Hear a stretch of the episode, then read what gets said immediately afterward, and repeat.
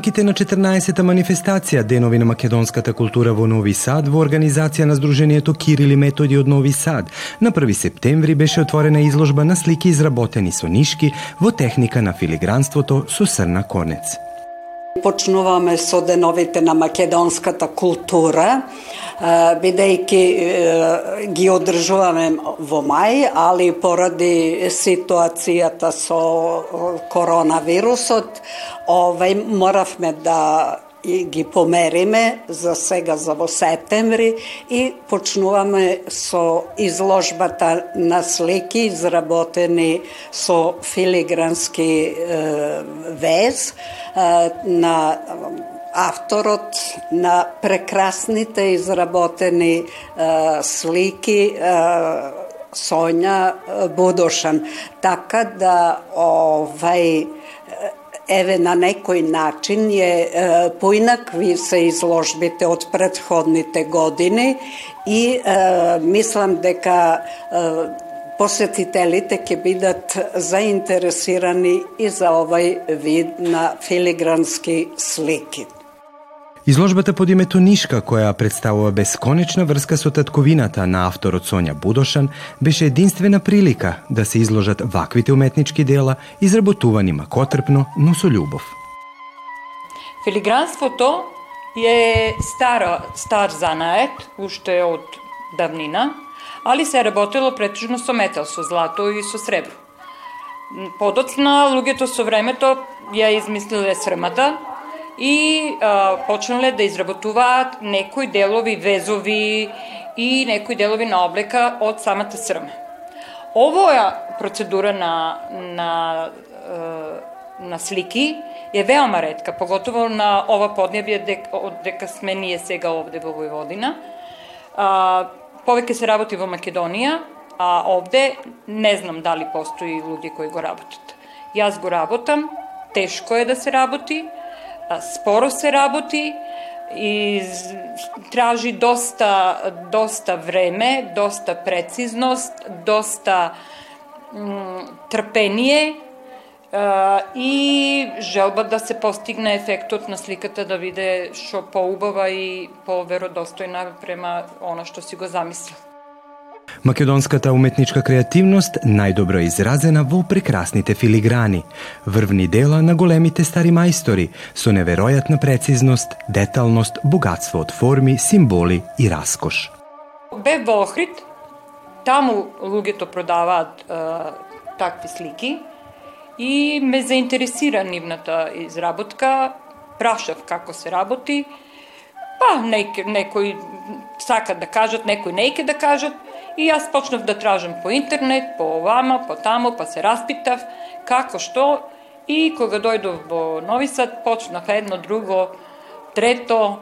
i taka jedna И така една по една слика почнува се поубава и поубава да биде. Првите слики ве остануваат за мене како успомен, после почнав да поклонувам, da, да продавам преко интернет и еве тако, овие se сега slike тука spremeni za ova изложба.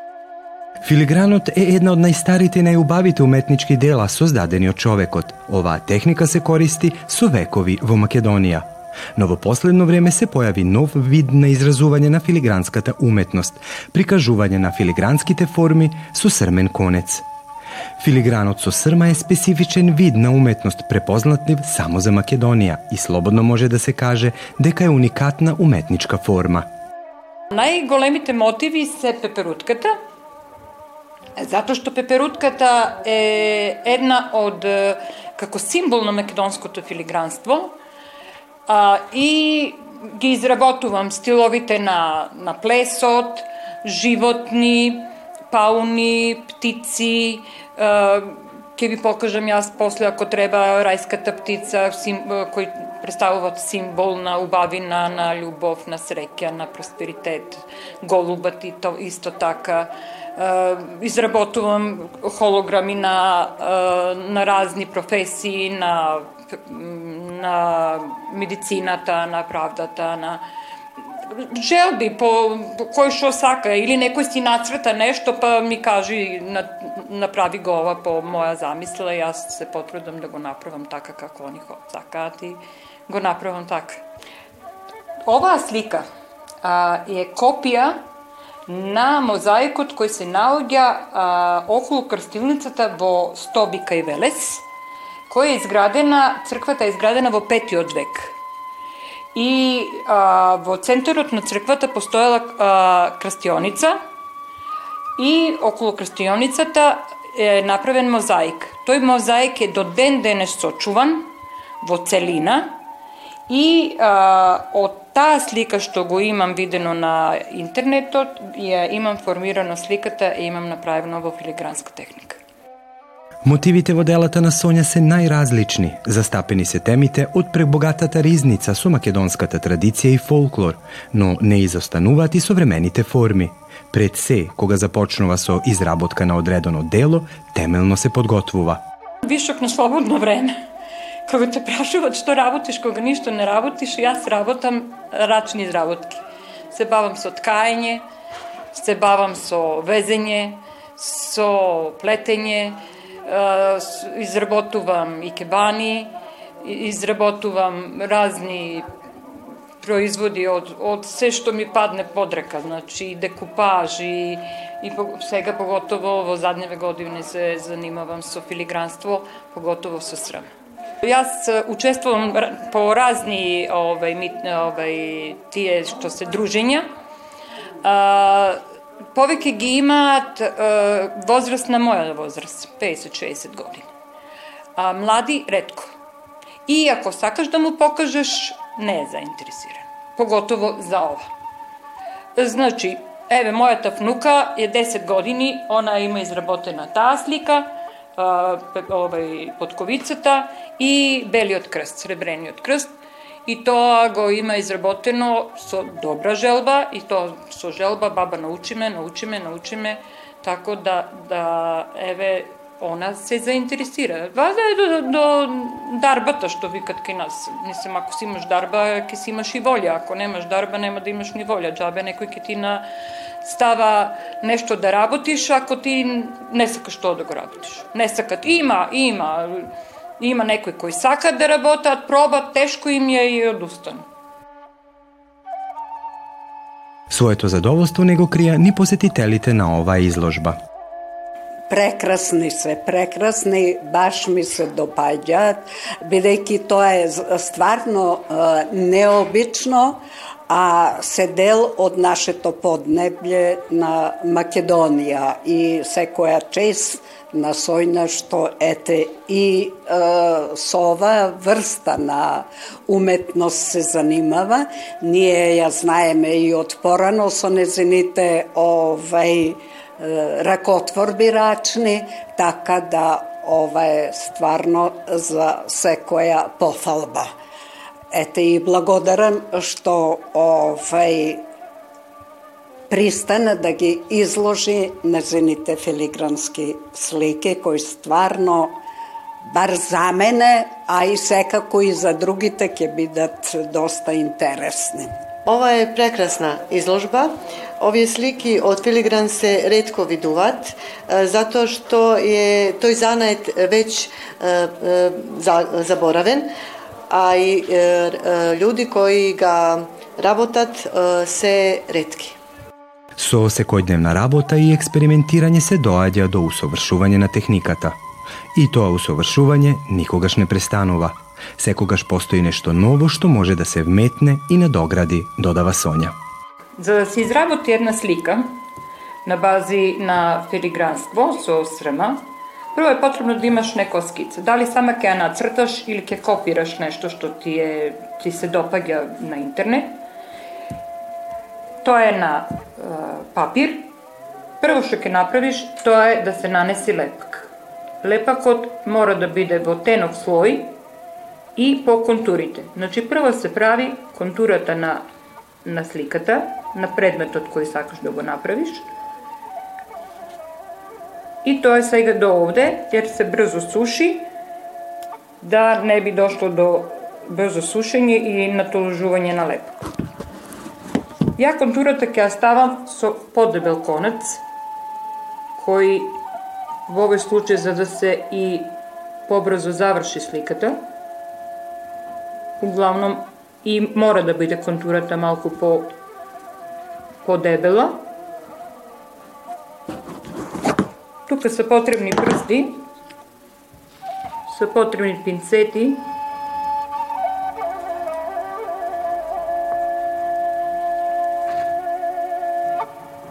ќе работам ја малку побрзо.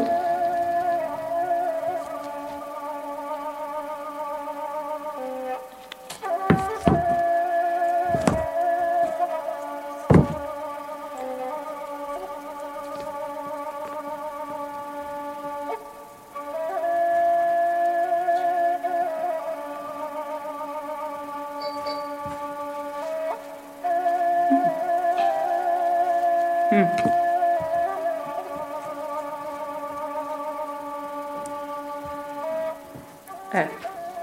Значи, тоа е контурата која е направена на горната, на горниот на горното крило на пеперутката. Се сечи. Правиме поново. Значи, во овој случај можеме да користиме перлици. Можеме да користиме штрес. Значи, разни материјали можеме да ставиме на, на секоја слика, за да биде дали ќе сматрате ќе биде побава така или ќе биде по на кој начин ќе биде побава, на тај начин ќе ќе ставате. Кога ќе се направи контурата, внатре се прави со со по со потен конец. Се пополнуваат крилата, cijelio predmet, znači koju go kompozicijata na slikate koje sakate da je napravite, se poponuva so, so poteno konec. U ovoj slučaj to je ovoj konec. Во Србија не може да се најди. Значи, го набавувам во Македонија. Овде не можам да го најдам.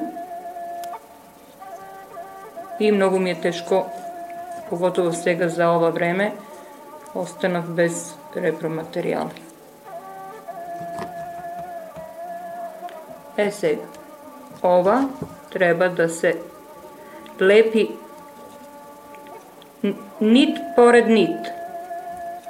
Значи, увек, секогаш, значи, кој ќе се направи првото и се врати во круг. Значи се лепи нит покрај нит.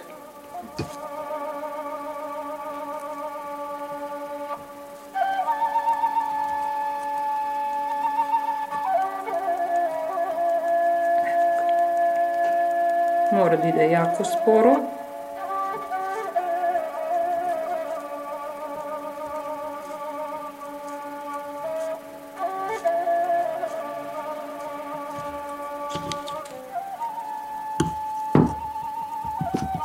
кога ќе се пополни ова, тогаш се лепи можеме ово да го прекинем можеме да лепиме сега ќе го оставам ово вака да се да стои можеме да лепиме овај еве циркони кога ќе се заврши сето тоа ова е сега брза постапка Овие контури се сечат,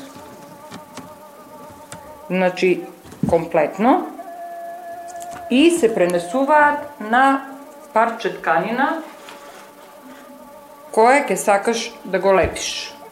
Во овој случај, кога ќе се исече а, овај дел на, на пеперутката, кој ќе се заврши, се лепи на парче тканина и тогаш сликата е готова. Тоа е тоа Али за, за изработка на една добра слика, ова е сега збрзана постапка, али за да се заврши една а, слика треба доста. Сето трпение, умешност, прецизност, оригиналност вткаени се во изработка на срмениот филигран и му даваат личен печат, а луѓето тоа го знаат и го препознаваат и почитуваат.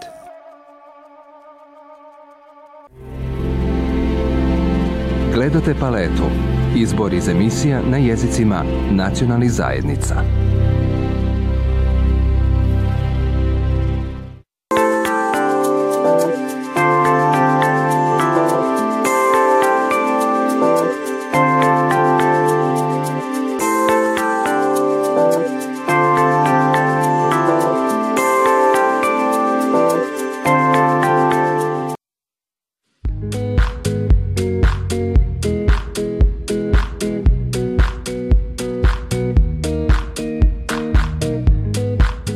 На овогодинешниот сајм на книги во Нови Сад на штандот на покраинските секретаријати за култура, јавно информирање и односите со верските заедници, како и секретаријат за образование, прописи, управа и националните заедници, се одржа промоција на мултијазичен часопис Нов мост во издание на Друштво за јазик, литература и култура. Izuzetno e, lepa saradnja i sa Sekretarijatom za kulturu, a i za obrazovanje i prava nacionalnih manjina. Evo mi već godinama ovde na štandu predstavljamo izdanja društava za jezike i to zajedno. Evo ovo danas je bio dogovor sa zadnje sednice koordinacionog odbora da predstavimo naša izdanja. Mi smo pre svega predstavili treći i četvrti broj multijezičkog časopisa MOS. Samo da posetim da smo u Zavodu za kulturu Vojvodine izdavali multijezički Bilten Most, a sada je ovo časopis Novi Most. U pripremanju i realizaciji ovog novog mosta učestvuju članovi koordinacionog odbora na čelu redakcije Lucijan Marina i mi svi sarađujemo i dostavljamo priloge E, Most se inače štampa na više od 10 jezika sa prilozima na našem maternjem jeziku, sa rezimeima na srpskom jeziku da bi svi oni koji čitaju videli naše aktivnosti. A danas smo evo e, predstavili naša izdanja, mi iz Društva za rusinski jezik smo predstavili naša, e, to je šest naslova, predstavnici drugih nacionalnih zajednica, bugarske, makedonske, nacionalne zajednice svoje knjige, e, kulturno-prosvetno društvo, umetničko društvo Stanislav Preprek, Isto tako bili su pozvani i drugi. Svi oni koji tokom godine izdaju knjige, a nama je drago da nam u izdavanju pomažu i Sekretarija za kulturu i za prava nacionalnih manjina, a i šire, evo, izdavanjem multijezičkog časopisa MOS podržava i Gradska uprava za kulturu, a ili i Gradska uprava u Vršcu. Соработката помеѓу координативен одбор на Друштвото за јазик, литература и култура и Сдруженијето Кирил Методи е повеќе годишно. Во мултинационалната средина како што е Војводина, секако од голем значај се мултијазични списанија како што е Нов мост, во кој покрај другите се наоѓат и текстовите на македонски јазик. На тој начин се презентира македонската култура и македонскиот јазик и другите имаат можност да се запознаат со нашите активности, а секако и на нашите манифестации доаѓаат и другите национални заедници. И ние идеме на нивните манифестации и активности, така да соработката е на одличен ниво и секако доста добра. Покрај презентацијата на мултијазичен часопис Нов мост, членовите на Друштвото за јазик, литература и култура ги промовира и своите изданија. Така е презентирана и монографијата на Македонското здружение Кирили Методи под името Да не се заборави, која што е преведена на српски јазик. Svekako deka da je ova e, odličan događaj e, za naše to združenije, bidejki monografijata e, koja je izleze 2018. godina na makedonski jazik. Бидејќи немавме доволно средства, минатата година аплициравме на повеќе конкурси i добивме и ова odnosno односно godina година 2019 излезе превод од македонски на српски јазик. Во преведувањето на книгата учествуваше овај Божидар Мерловиќ, Васка Черговска, лектор Милјана Чопа, технички уредник Марко Дабетич, така да овај секако ова е монографија преведена и представува активности и работата на нашето здружение во период од 10 години, хронолошки дадено по години кој учествувал, како се припремани активностите на Сдруженијето и секако и манифестациите. Најзначајна манифестација на нашето Сдружение секако е Денови на македонската култура. Значи, во оваа монографија се дадени